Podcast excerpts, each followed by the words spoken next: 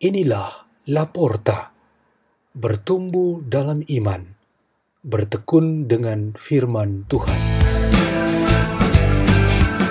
Bacaan dibawakan oleh Gloria Megasari, umat Gereja Santo Barnabas, Paroki Pamulang, Keuskupan Agung Jakarta, dan renungan dibawakan oleh Roselina Loli Amanda, umat Gereja Santo Barnabas, Paroki Pamulang, Keuskupan Agung Jakarta.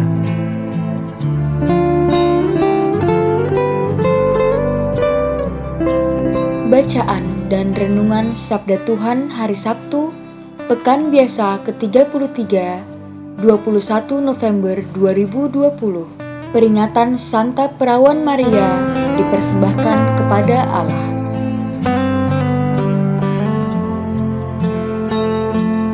Pembacaan Injil suci Tuhan kita Yesus Kristus menurut Santo Lukas. Pada suatu ketika, datanglah kepada Yesus beberapa orang Saduki yang tidak mengakui adanya kebangkitan. Mereka bertanya kepada Yesus, "Guru, Musa menuliskan untuk kita perintah ini: jika seorang yang mempunyai saudara laki-laki mati meninggalkan istri, tetapi tidak meninggalkan anak, maka saudaranya harus kawin dengan wanita itu dan membangkitkan keturunan bagi saudaranya. Ada tujuh orang bersaudara. Yang pertama kawin dengan seorang wanita, lalu mati tanpa meninggalkan anak. Lalu wanita itu dikawini oleh yang kedua dan oleh yang ketiga, dan demikianlah berturut-turut oleh ketujuh saudara itu. Mereka semuanya mati tanpa meninggalkan anak. Akhirnya, perempuan itu pun mati. Bagaimana sekarang dengan wanita itu? Siapakah di antara orang-orang itu yang menjadi suaminya pada hari kebangkitan? Sebab ketujuhnya telah beristrikan dia. Berkatalah Yesus kepada mereka, "Orang dunia ini kawin dan dikawinkan, tetapi orang yang dianggap layak untuk mendapat bagian dalam dunia yang lain itu dan dalam kebangkitan dari antara orang mati, tidak kawin dan tidak dikawinkan, sebab mereka tidak dapat mati lagi. Mereka sama dengan malaikat-malaikat dan menjadi anak-anak Allah karena mereka telah dibangkitkan.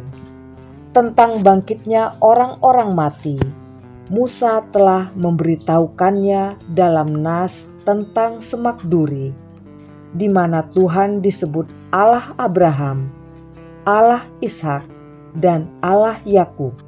Ia bukanlah Allah orang mati, melainkan Allah orang hidup, karena di hadapan Dia semua orang hidup. Mendengar itu, beberapa ahli Taurat berkata, "Guru, jawabmu itu tepat sekali." Maka mereka tidak berani lagi menanyakan apa-apa kepada Yesus. Demikianlah Injil Tuhan.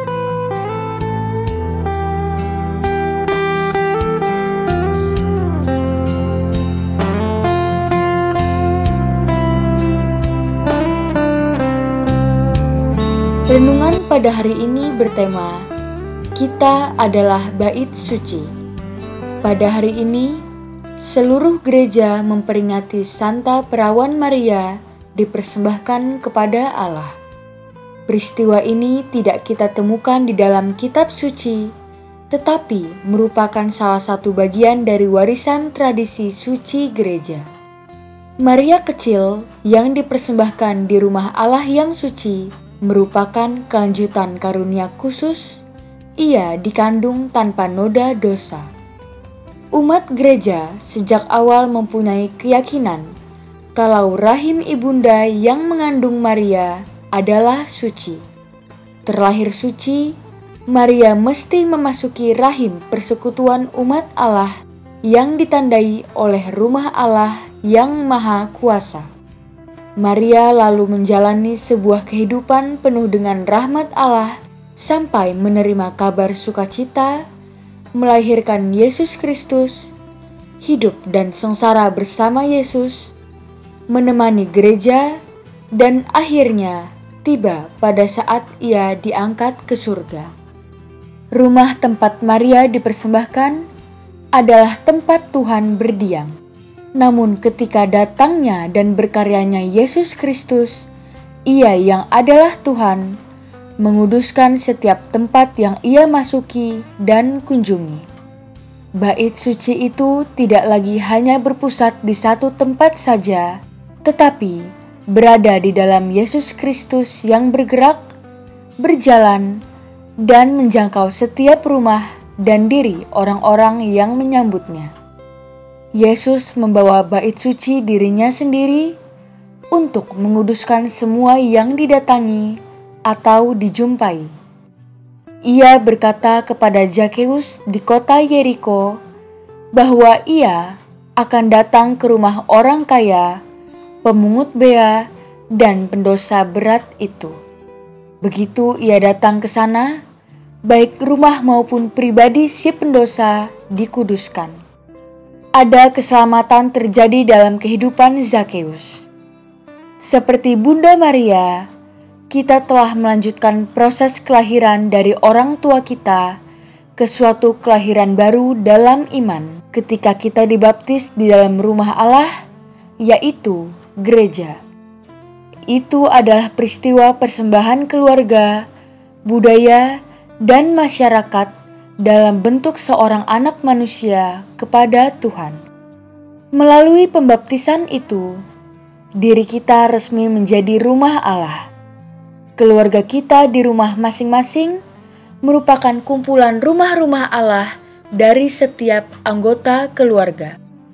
Pribadi maupun keluarga itu kemudian terikat dengan gereja yang menjadi persekutuan bersama satu tubuh dengan Yesus sebagai kepala.